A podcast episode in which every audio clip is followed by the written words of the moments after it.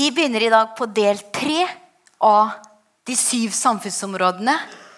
Som òg handler om å gjenoppdage Guds prinsipp for disippelgjøring av folk og nasjoner. Vi har hatt to gjennomganger eller foredrag i den serien her før. Og Den første gangen så snakka vi om disippelskap.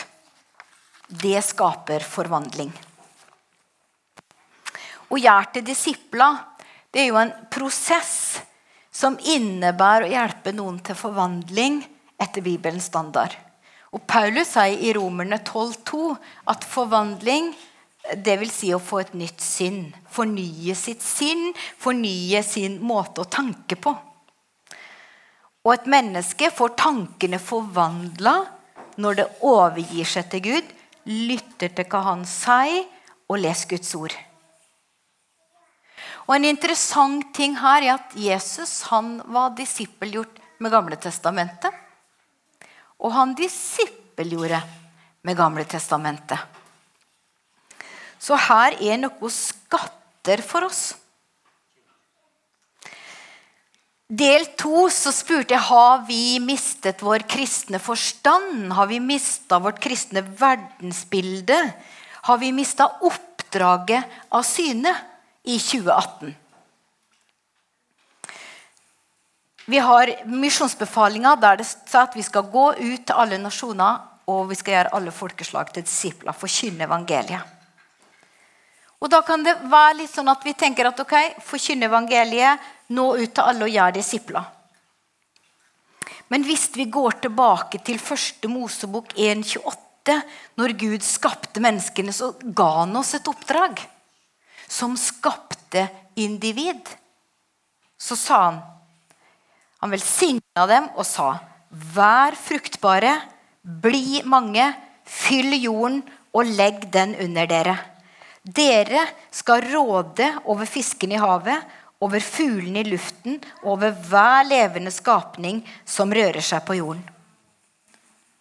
Det var utgangspunktet for mennesket sitt oppdrag på jorda fra skapelsen av.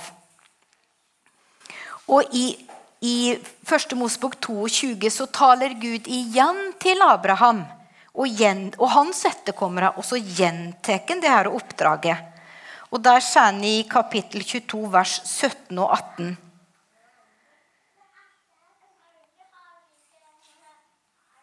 Jeg skal rikelig velsigne deg og gjøre din slekt tallrik som stjerne på himmelen og sanden på havets strand.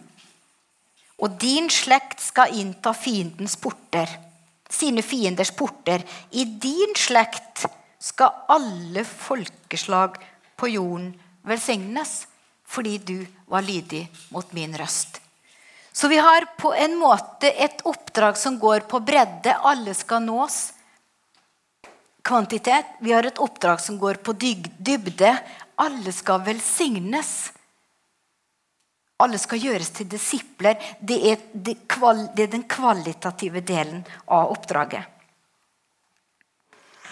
Så når vi nå skal se litt på de sju samfunnsområdene som eh, kom opp sånn begynnelsen av 70-tallet, 75 ca., så var Lauren Cunningham en av dem som var bekymra for utviklinga i sin nasjon. Det her sa jeg i første foredraget, så hvis dere ikke har hørt det, så gå gjerne gjennom første og andre foredrag, for det er superspennende stoff.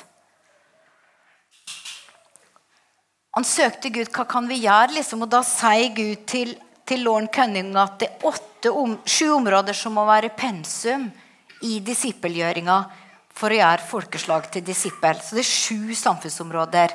Det er familie, kirke, skole eller utdanning, vitenskap, økonomi Kommer på det alle sammen nå? Vi kan ta fram neste slide, så ligger de der. Gud sa at på alle disse områdene så har han tanker. Han har forskrifter. Han vil vise sin karakter.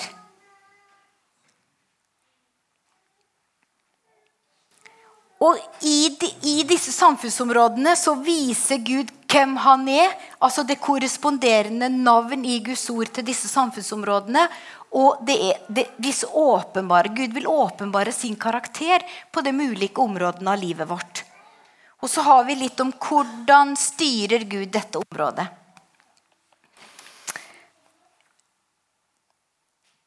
På regjeringsområdet så er, kommer det fram Guds navn der det at Gud han er kongenes konge.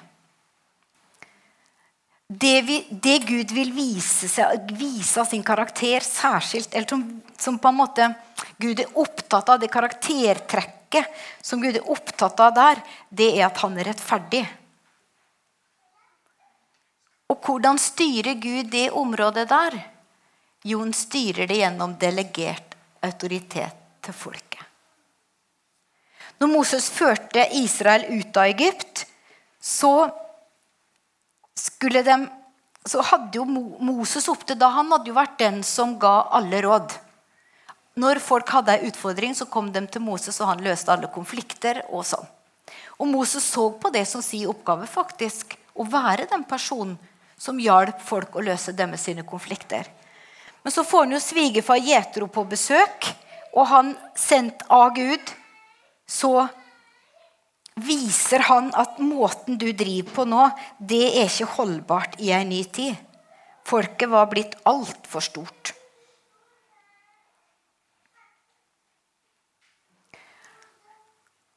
Så Moses da forklarer folket Skal gå rett på den her. Moses forklarer folket hvorfor må, styresettet må endres. Fordi at Måten de drev det på da, det var ikke hensiktsmessig for å nå ut. Så Derfor fikk folket sjøl velge seg sin regjering, sin ledelse. Og vi ser at I profeten Jesaja 9,6 så står det at herredømmet det er lagt på hans skulder. Og Romerne 13 skal lese litt fra Romerne 13, for det sa jeg litt om litt om det med ledelse. Det med, med dagens regjering, de, styresmaktene.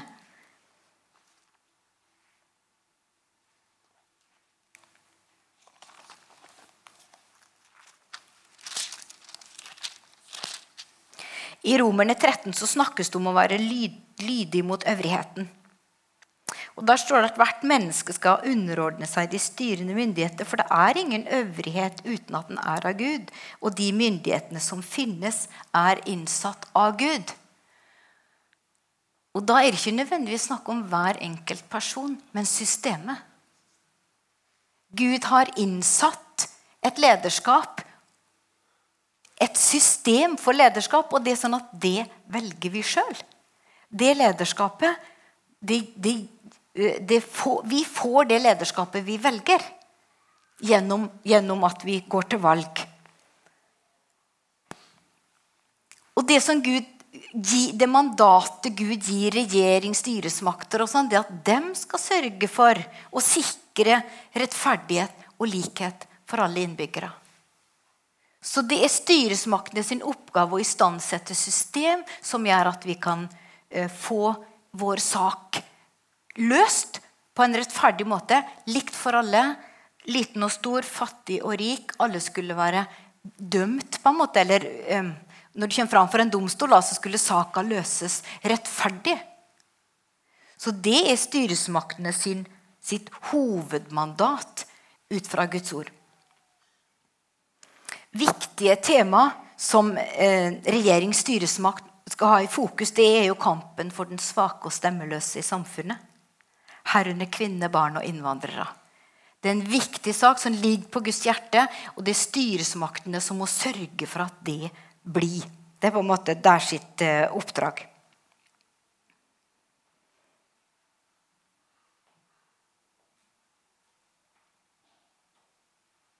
Vi skal se på neste, neste område. Og det området økonomi, arbeid og det neste, det er delt i to. Slik at i den presentasjonen her så er det åtte områder, ikke sju. Men det er litt ulik oppleving. De forskjellige folka um, som jobber med dette, her, deler det opp litt forskjellig. Men jeg har fulgt Landa Cope sin undervisning, og hun deler det opp i disse åtte forskjellige tema, eller samfunnsområder. Men det er interessant å se hva Gud sier. Hva mener han? For dette handler om livet vårt, det handler om samfunnet vi er en del av. Vi må ikke glemme at det var Gud som skapte jorda. Han satte menneskene hit. Han satte ikke de troende hit.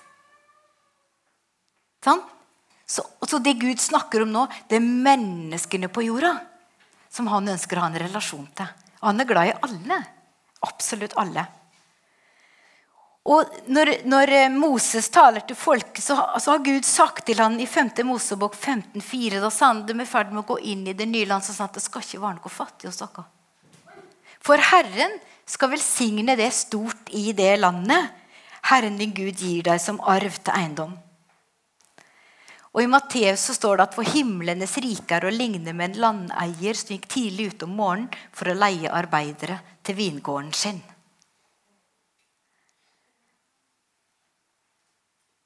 Gud tenkte det sånn at man skal utvikle en økonomi hvor varer og tjenester produseres for markedet i et arbeidsmiljø som ikke utnytter, men skal produsere varer til en fornuftig pris og en fornuftig lønn. Og Viktige tema som går igjen når vi studerer Guds ord på dette, er ærlig fortjeneste. Det å sette den fattige i stand til å forsørge seg sjøl det er arbeidsfolk med integritet. Det er forvaltning av ressurser og samfunnets samvittighet. Og det som Gud viser fram, sitt navn som Gud viser fram i dette, det er at han er vår forsørger. Han gir oss jorda å forvalte. Han gir oss kraft i armen til å bruke armen vår. Han gir oss klare tanker i hodet til å skape ting. Til å skape arbeidsplasser, til å gjøre et dagsverk. Men det er han som er vår forsørger. Kroppen min, som jeg kan bruke til arbeid, den har jeg fått av Gud. Min forstand, som jeg kan bruke til å tenke med, den har jeg fått av Gud. Så alt vi har, har vi fått av Gud til å bruke. Og Gud gjennom det her, karaktertrekket eh, som Gud viser oss gjennom det å være vår forsørger, og sånn, det er sin godhet. Klart Vi jobba fire år i Ungdom i oppdrag, og vi opplevde at Gud forsørga oss. Vi hadde ikke lønn, ingen fast inntekt. Vi hadde etter hvert en del faste givere som vi opplevde at Gud i sin godhet ga oss. Men den opplevelsen av å bli sett av Gud på det økonomiske området, på det praktiske, på en sånn daglig ting En liten historie som er kanskje den sterkeste for meg, det var når vi, når vi kom til Grimrud, så var vår lille datter Heidi tre måneder. Og etter hvert så bruker man å ta bilde av et lite barn. Og det hadde ikke vi penger til. Så jeg ringte fotografen og fant ut hva det kosta. 475 kroner i 1989. 1990. Men jeg, jeg, jeg, tror ikke jeg ba om det engang. Altså, jeg, liksom, for jeg tenkte at å nei, det er luksus. Vi har nok med å, å, å få mat og klær her. Fikk vi besøk av en person en ettermiddag. Og når den personen gikk, så sa han litt for legen at mm, jeg har lyst til å gi deg litt av gave, men det er nesten litt flaut, da, for det er ikke et rundt beløp engang. Hva tror du var oppi den konvolutten? 475 kroner. Fantastisk. Gud visste min lengsel og mitt ønske om å få ta et bilde av Heidi når hun var baby. Hadde jeg fått 500 kroner, så vet jeg ikke om jeg hadde skjønt det. Ser du? Da hadde jeg nok tenkt at det må jeg bruke til noe annet. Men når det var 475 kroner, så visste jeg akkurat hva Gud sa. Kom an, sånn. Ta bilde av jenta di, du. Sånn er Gud. Sånn er Gud. Mm. Så har vi et område som et av samfunnsområdene som handler om vitenskap og teknologi. Og det er veldig interessant. Um, andre Mosebok 1526 så sier Gud at hvis dere lytter, eller Moses sier, hvis dere lytter nøye til Herren vår Guds røst og gjør det som er rett i hans øyne, Hvis dere legger øret til hans bud og holder alle hans lover, da skal jeg ikke legge på dere noen av de sykdommene som jeg la på egypterne. For jeg er Herren, Han som helbreder dere. Og I første Mosebok i skapelsesberetninga så står det at da Gud så alt han hadde gjort, så bare konstaterte han det var veldig bra. Svært godt.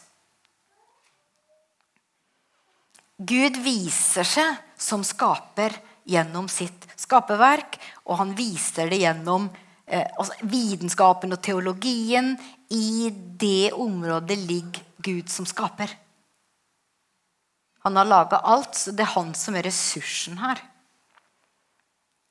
Og karaktertrekka til Gud det er jo at han er en ordensgud.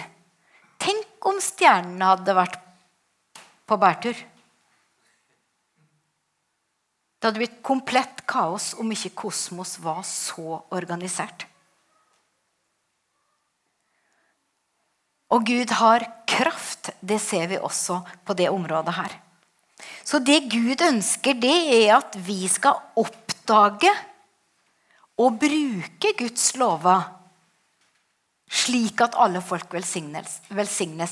Jeg tror Gud, når han fant opp lyspæra, eller fant opp strømmen, elektrisiteten, så tror jeg Gud tenkte Der fant de det ut. De har ligget der helt fra begynnelsen. Nå fant de det.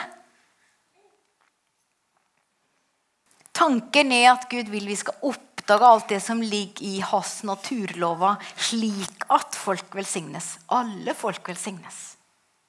Og dette området sitt mandat er å strebe etter å høyne livskvaliteten, bedre helse, bedre forvaltning av alle naturressurser. Og viktig oppgave, tema innen det området her, det hindre sykdom. Det er å holde på med oppfinnelser, oppdagelser, forskning, forvaltning. Alt det ligger inn under det som Gud har lagt inn i det området vitenskap og teologi. Sånn som Guds ord beskriver det. Og det her, Nå bare toucher jeg noen topper. Jeg håper dere får med dere noe. Men det er mye spennende her som man kan gå, gå dypere ned i. Men Gud styrer det området her via naturlovene. Jeg må kommentere en ting til på det med økonomi og arbeid. For når Gud, det om samfunnsområdet styrer Gud gjennom naturlovene. Altså jordbrukslovene og så å høste.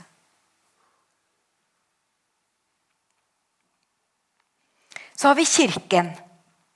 I 4. Mosebok 1.48-50 så, så står det slik For Herren hadde talt til Moses og sagt bare lev i stamme skal du ikke mønstre og ikke holde folketelling over sammen med Israels barn.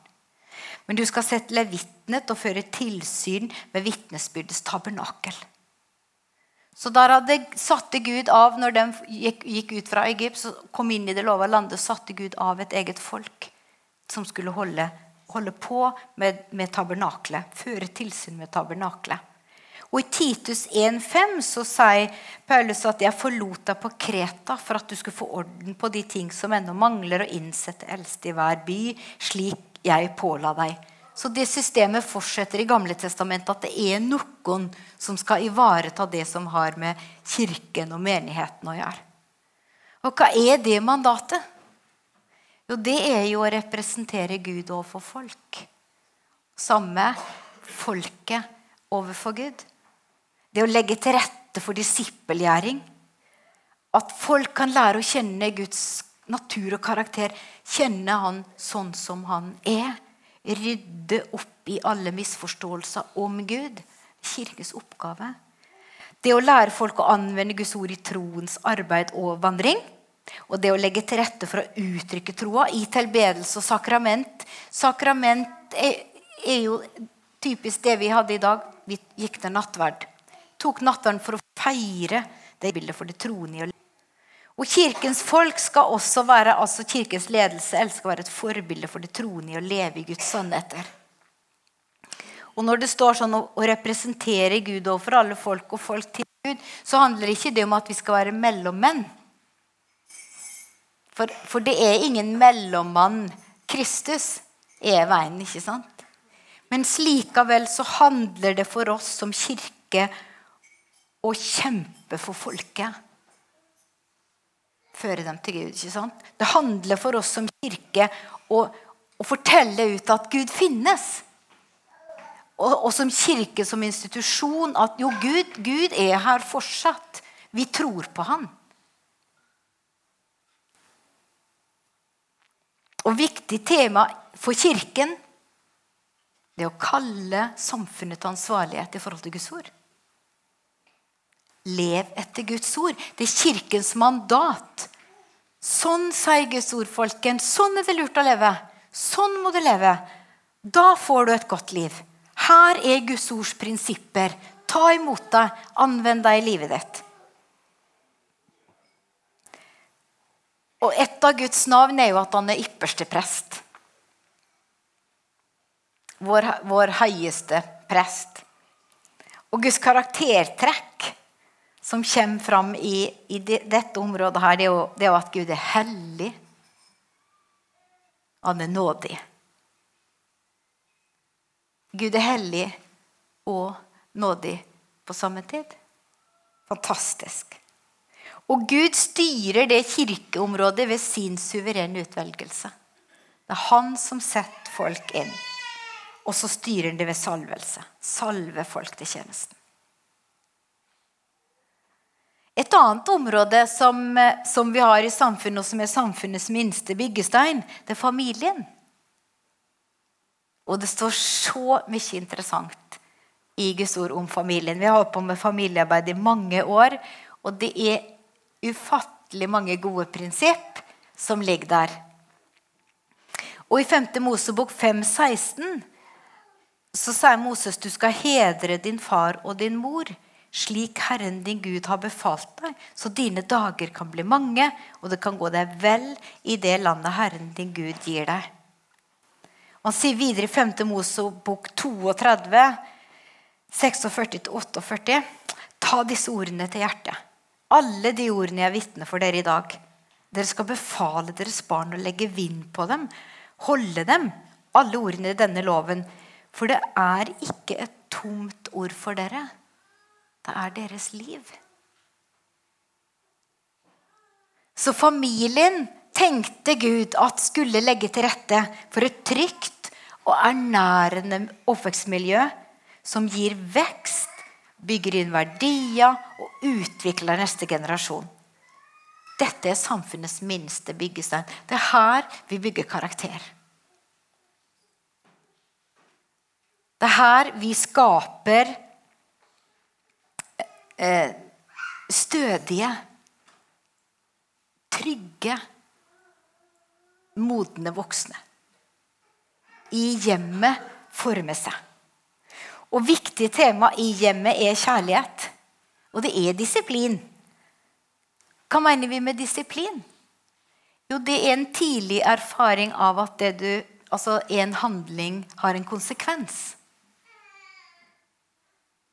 Så Derfor kan man på en måte til et barn si at eh, hvis du gjør sånn, da blir det sånn. Og så må man holde det.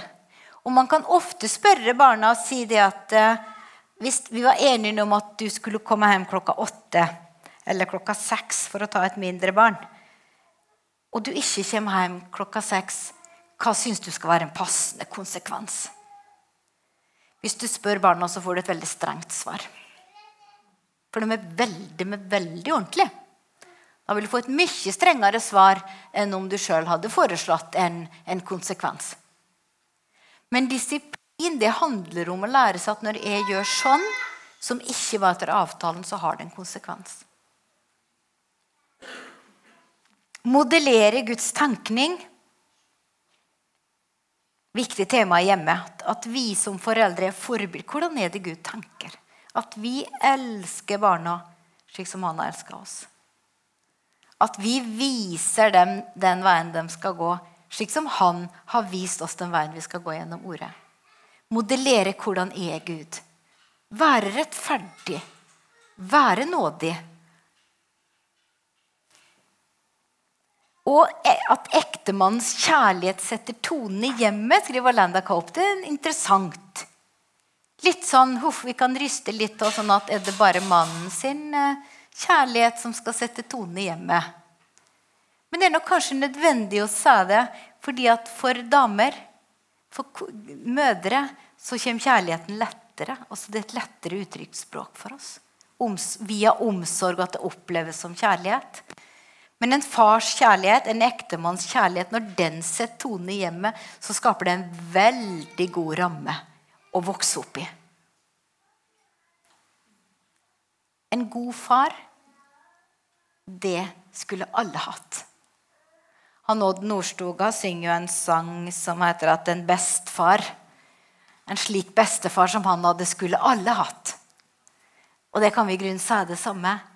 En god far, det skulle alle hatt. Det er godt å vokse opp med en god far som elsker familien sin. Men kjærligheten i hjemmet, kjærligheten mellom mor og far, setter en tone for et godt oppvekstmiljø. så har vi et eh, område i samfunnet som handler om skole, utdanning. Og I 5. Mosebok 11, 18, 21 så sa Gud litt om opplæring gjennom Moses. Han sa at derfor skal dere legge disse mine ord på deres hjerte og sjel. Bind dem som et tegn på hånden, og la dem være som minnesedler mellom deres øyne. Du skal lære dem til dine barn, tale om dem når du sitter i ditt hus, når du går på veien, når du legger deg, når du står opp. Du skal skrive dem på dørstolpene til ditt hus og på dine porter, for at deres dager skal bli mange i det landet Herren sverget for deres fedre at han ville gi dem, så lenge det er en himmelhvelving over jorden. Og I Lukas 10, 27 så står det at du skal elske Herren din Gud av hele ditt hjerte, av hele din sjel, av all din kraft og av hele ditt sinn. Så Guds tanke for oss er at på det området der så skal vi legge til rette for å utvikle de gudgitte gaver i hvert enkelt barn, som ligger hvert enkelt barn, for at de skal kunne tjene sine medmennesker og samfunnet med deg. Troa på at hvert barn er gitt gaver av Gud. Og at de har rett til å få de gavene utvikla til det makspotensialet de kan få ut av det. Og Et viktig tema her som, som gjennomsyrer det, det, er at det er en integrert prosess der familien er støtt, støtter og er involvert. Det er ikke Guds tanke er at eh, opp, opplæringa det er foreldrenes ansvar. Så når vi har fått gode skolesystem så er vi glad for det. Vi er kjempeglad for den gode skolen. Mens det er viktig at vi som foreldre tenker at dette er vi med på. Det er ikke sånn at 'Å nei, skolen mislyktes så fælt', dem. Så mitt barn fikk ikke det de skulle. Det er ikke alltid at alle barn får den opplæring de har rett på. Det vet jeg. Men det er viktig for oss som foreldre å tenke at det er mitt ansvar til sjuende og sist slik at vi samarbeider så godt med skolen som overhodet råd for at de skal få utvikle gavene sine. Og vi kan speide etter Fra barna er små, så kan vi speide etter gavene som ligger i dem. Og vi kan ganske tidlig se ting. Vi kan ganske tidlig i et barn se at uh, de har mye omsorg i seg, f.eks. Husker ved et tilfelle vår datter Heidi var tre år og var med i et kor. Og så var det en gutt der nede som mista smokken sin ut av vogna. Så da bare marsjerte hun ned av scenen, ned, tok den smokken, sa vær så god, så sprang hun opp igjen. Tidlig demonstrerte hun et syn, et omsorgsbilde, på en måte syn for å se andre mennesker og, og ha omsorg. Tidlig så kan du se at barnet ditt liker å utvikle ting. De liker å forske. De liker å lede, f.eks. De liker å organisere. Altså, du ser du gjenkjenner gaver i barna, og da kan vi som foreldre bare være med å bygge opp under det på en god måte. Mediakommunikasjon. I første Mosebok 1,3 så står det da sa Gud, la det bli lys. Og det ble det. det. Det er en fantastisk setning. Gud bare sa La det bli lys. Og sånn ble det. I Markus 8, 18 så står det har dere øyne, det er fra en lignelse, har dere øyne, men ser ikke? Og har dere ører, men hører ikke? Gud ønsker å kommunisere med oss, og Gud, Gud, Gud ønsker å tale. Og Gud har talt alt ut til eksistens. Så ord er kjempeviktig. Å høre er viktig, å se er viktig, og tale er viktig. Så mediekommunikasjon er et kjempeområde. Kjempeviktig område. Og for dere som holder på med teknisk og lyd og lys og bilde og sånn, så er dere midt i det området her. Og mandatet Og ja, Jesus sier at 'dere kaller jeg venner'. For alt jeg har hørt av min far, det har jeg gjort kjent for dere. Så Gud, Gud, når Gud har noe å formidle, så gjør han det kjent for oss. Vi er hans venner. Det er ikke slik at Gud holder på med masse ting som er helt, som ikke vi vet om. Nei, Gud han vil dele ting med oss. han. Når vi setter oss ned og lytter, når vi er i ordet, så vil Gud dele sitt hjerte med oss hva han har tenkt å gjøre. Mens mediekommunikasjonsoppgaven først og fremst det er å sørge for sann, objektiv informasjon av viktighet for samfunnet, slik at innbyggerne kan ta gode grunnlag for å ta sine valg på. Det trenger vi. Det trenger vi. Aviser, nyheter. Her er mandatet. Å sørge for informasjon, så vi kan ta gode valg. Kunst og underholdning er et annet tema. Det trenger vi. Her er det sport og underholdning, kunstunderholdning og i idrett er vi inne under her. da. Og Forkynneren 3.11 så står det at alt har Gud gjort vakkert i si tid. Og I Salme 27,4 så ber salmisten én ting har jeg bedt Herren om, og det lengter jeg etter. At jeg kan få bo i Herrens hus alle mitt livs dager, så jeg kan betrakte Herrens skjønnhet og grunne i Hans tempel. Alt ved Gud er vakkert.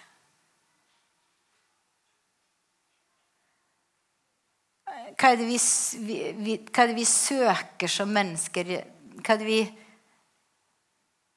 hva, hva er det vi lengter etter? Hva er det vi, hva er det vi trenger? Jo, det er jo det som er skjønnhet. Når vi ser noe som er vakkert, så gjør det noe veldig godt med oss. Og kanskje som unge, som unge så, så, ser vi på det med skjønnhet og det vakre at Wow, liksom. Så det er lagt ned i oss. Skjønnheten er Gud. Det vakre, det er Gud. Det som ikke er vakkert, det som er stygt og grått og fattigslig, det er ikke det som er av Gud. Det som er av Gud, det er det som er vakkert, rent, flott. Bare les om Salomo. I et av foredragene tidligere så leste jeg om Salomo, hvordan hans hus var rigga. Bare kleden til tjenestefolka. Dronningen av Saba var helt slått ut. Wow. Så skjønnheten, den er, er Gud sin. Og når Gud ser at eh, det med det vakre, det med det som er underholdende, det som er godt for oss å være med på det, det er en del av Guds tanke for oss når vi er her på jorda. At vi skal ha ting som gir oss hvile, gjør at vi slapper av, gjør at vår sjel blir restaurert. Vi blir oppmuntra, vi blir glad. Det er en del av Guds tanke, det er en del av det Gud har lagt inn.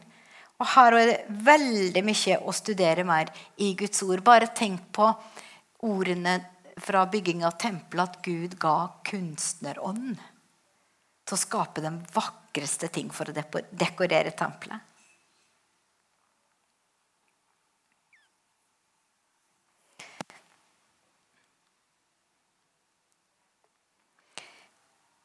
I familien så er det Gud som far som er Gud ønsker å gjøre seg kjent som far.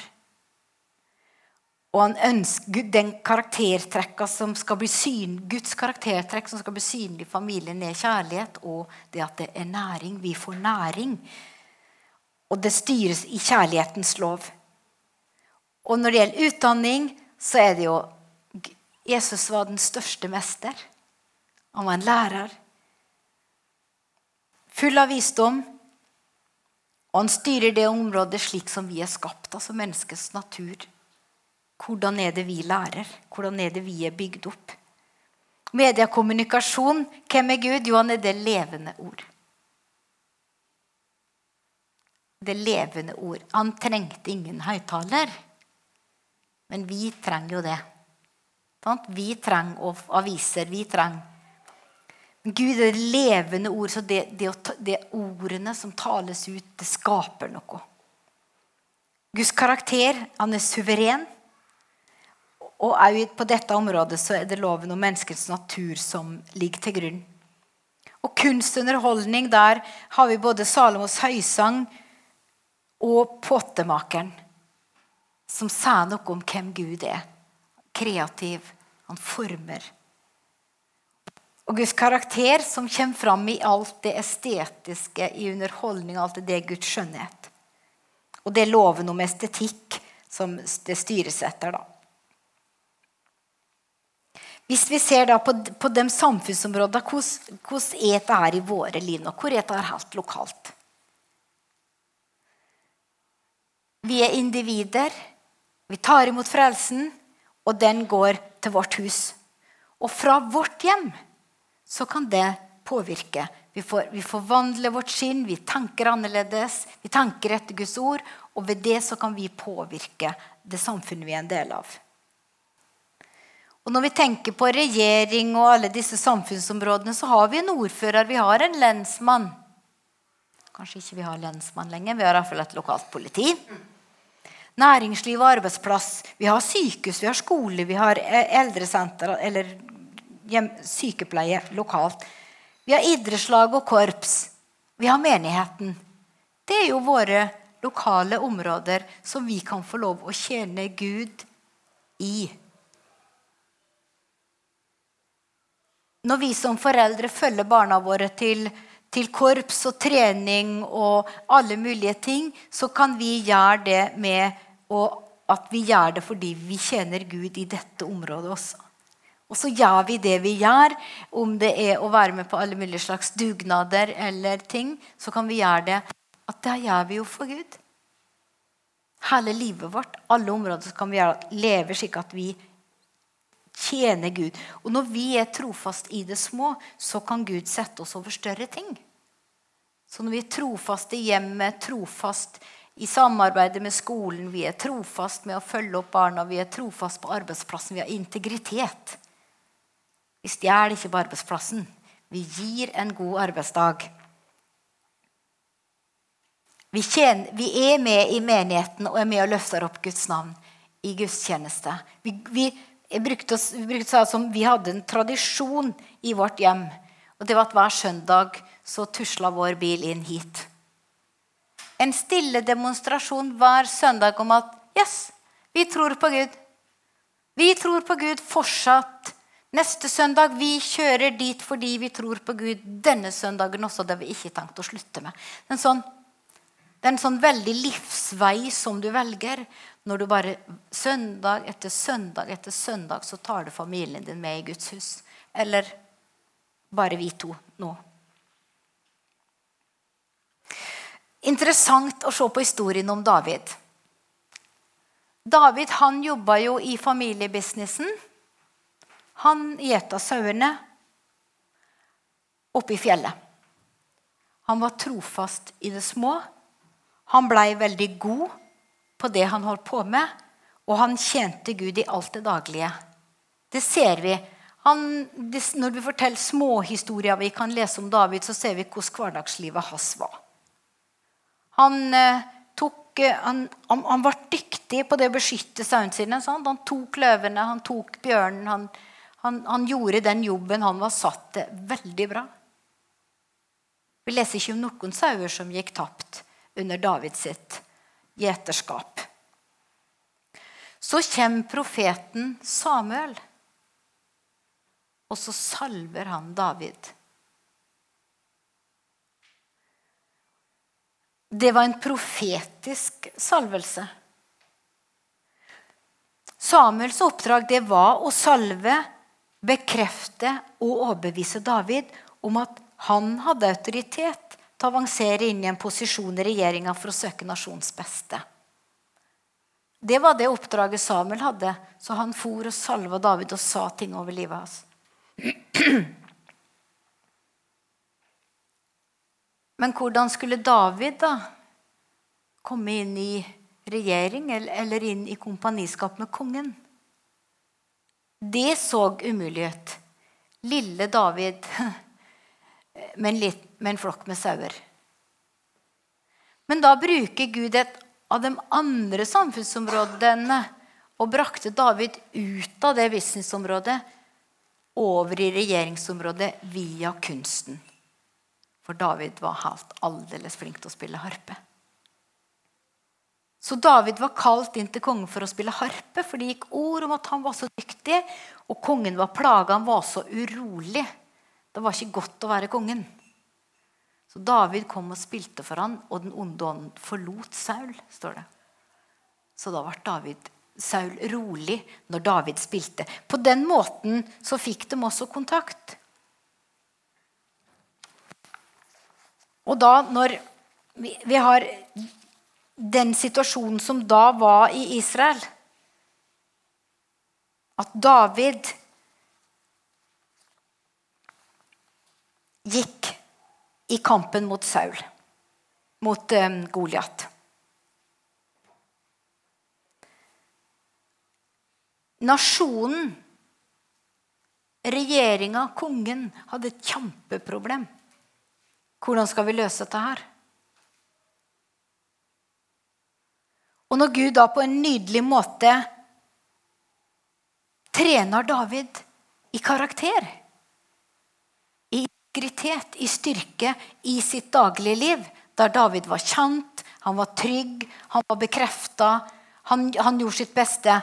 Der var David trent. Så leder Gud David til Saul via musikken.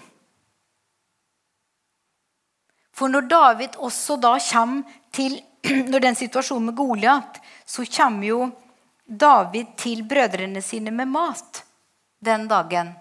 Og når David da hører det som Goliat sier, så tenker han i alle dager Vet ikke du hvem som er den levende Gud? Og så leverer David en redningsaksjon for folket som var basert på at David hadde lært å kjenne Gud i sitt daglige liv, der hjemme, i sin hverdag, i sin business, på sin arbeidsplass, i familiebedriften. Så det å være trofast i det små gjør at Gud kan sette oss over større ting. Og noen folk reiser Gud opp, sånn som David. Men det var mange familiebedrifter der som år etter år etter år tjente Gud trofast i det daglige, i, i sitt vanlige liv. Og det er en gudstjeneste.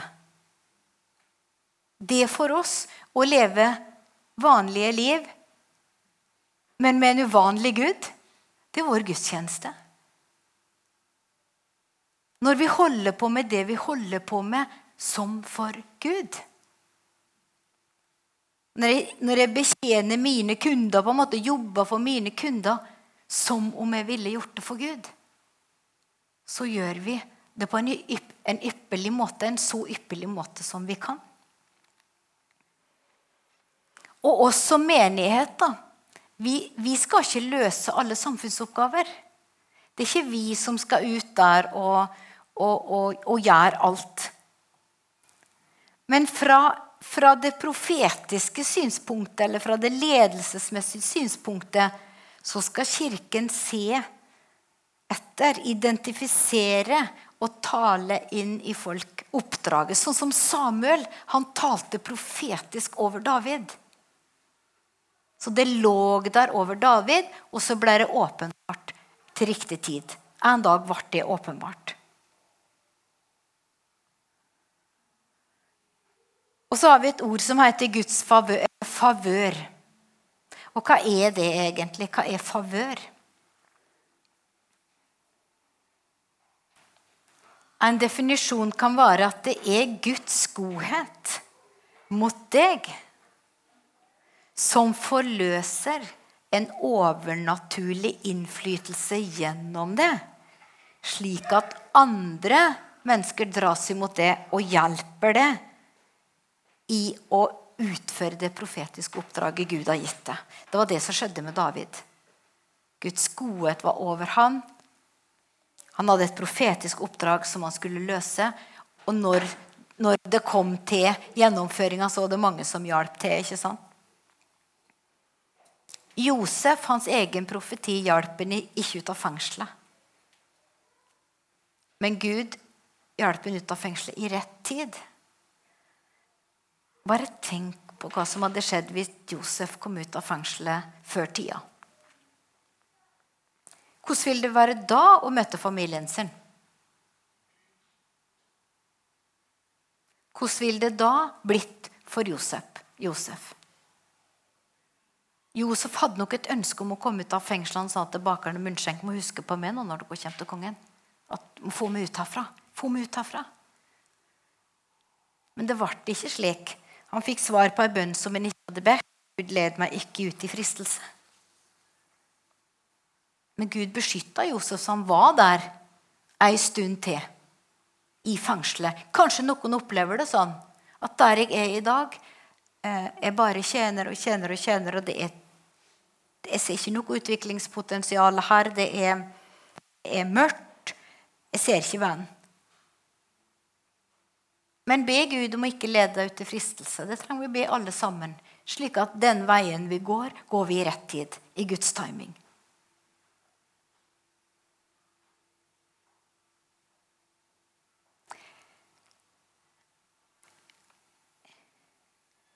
Jeg skal avslutte der. Var det noen som fikk noe ut av dette her?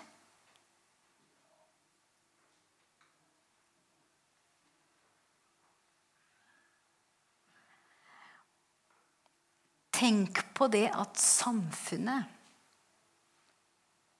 Det er ikke deg der ute, og så er det vi her inne. Samfunnet, det er vi. Kirken er en del av samfunnsområdet. Men livet vårt så skal vi være til stede på alle samfunnsområdene. Og i faser av livet så er vi der mer og mindre i, i, forskjellige, i forskjellige områder. Men det er viktig at vi søker Gud for hvilke tanker har du for det? Hva er din tanke? Hva er det du vil vise det som her nå? Og når vi skaper ting Edvard, du skriver en sang. Du skaper i lag med Gud.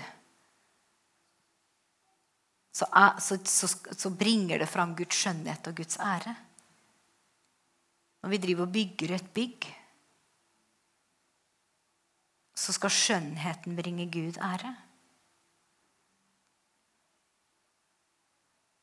Når vi deltar som foreldre på frivillig dugnad, så skal vi gjøre det med en glede som gir Gud ære.